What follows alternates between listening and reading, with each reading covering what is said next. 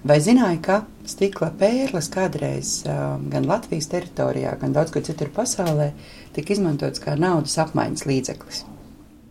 Stikla pērles, kādas mēs tagad iedomājamies, tādas vienkāršas krēlītes, kuras varam iegādāties veikalā, kādreiz šeit bija ļoti liela vērtība, jo viņas bija patiešām reta parādība, kura šeit ieradās kopā ar austrumu zemju tirgotājiem. Un tika mainītas šīs stikla pērles pret mūsu dārgumiem, pret zvērādām, pret medu, pret vaskarituļiem, dzelzrūdu un tam līdzīgām lietām, kas nu šeit bija mūsu zemes galvenās uh, vērtības.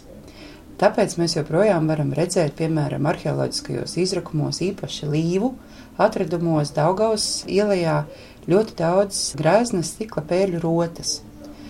Un uh, kādā brīdī pat ir grūti iedomāties, cik ārkārtīgi vērtīga ir šāda viena kreļu virtene. Igaunijas vēstures muzejā glabājas īpaša tabula, kurā ir norādītas, kādas bija stikla kreļu vērtības apmaiņā pret kādiem nu, mums šobrīd saprotamiem priekšmetiem. Piemēram, astoņas stikla pērles bija vērtas veselu govi pa stikla pērlīti tu varēji iegādāties aitu vai kazu. Lai tu varētu savā īpašumā gūt zobenu, tev jau vajadzēja šķirties jau no apmēram 100 stikla krellēm, bet pats vērtīgākais priekšmets šajā tabulā ir bruņu krekls, kas ir izveidots no tūkstošiem, tūkstošiem mazu smalku riņķīšu. Lai iegādātos tādu, tev vajadzēja vesels 360 stikla krēles. Šobrīd liekas tāda smieklīga lieta, vai ne? Bet tolaik Stikla pērles veidoja tikai dažās vietās pasaulē, un uh, viņu vērtība brīdī, kad viņas nokļuva mūsu platuma grādos, bija ļoti daudzas reizes cēlusies.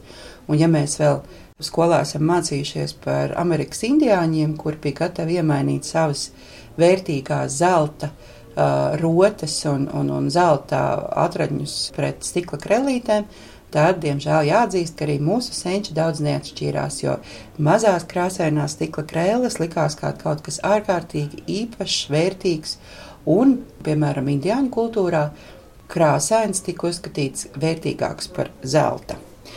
Tā kā arī pie mums nonāca daudz šīs krēles, un pēc tam mēs varam arī spriest par to, ar kādām pasaules malām ir notikusi tirzniecība šeit senajās Latvijas teritorijas zemēs. Un mēs varam pēc stikla krēlēm, piemēram, veselu tādu atklātu vēstures lapas pusi un pat izsekot, no kuras vietas, piemēram, Eiropā vai Āzijā, šāda stikla krēla ir atceļojusi pie mums šeit, piemēram, uz lauku skolu.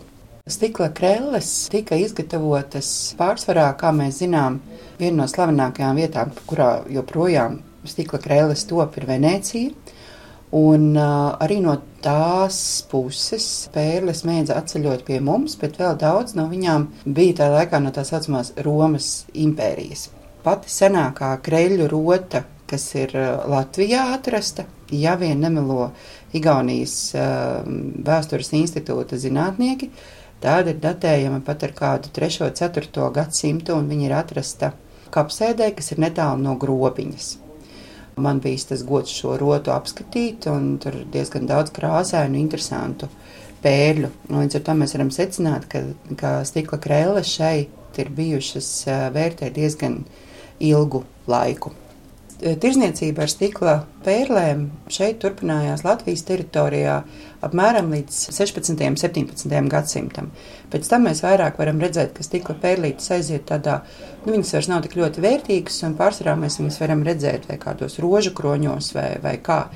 Bet ap 14. gadsimtu šeit pat Latvijā sāk uh, veidot mazas dzeltenas uh, stikla pērlītes, kas aizstāja bronzas spirālītes un riņķīšus, ar kuriem tika rotāti graznie sēļu, latgaļu un, un līvu tērpi. Un no tā laika sākās, piemēram, arī ar pērlītēm rotātie meitu vainagi.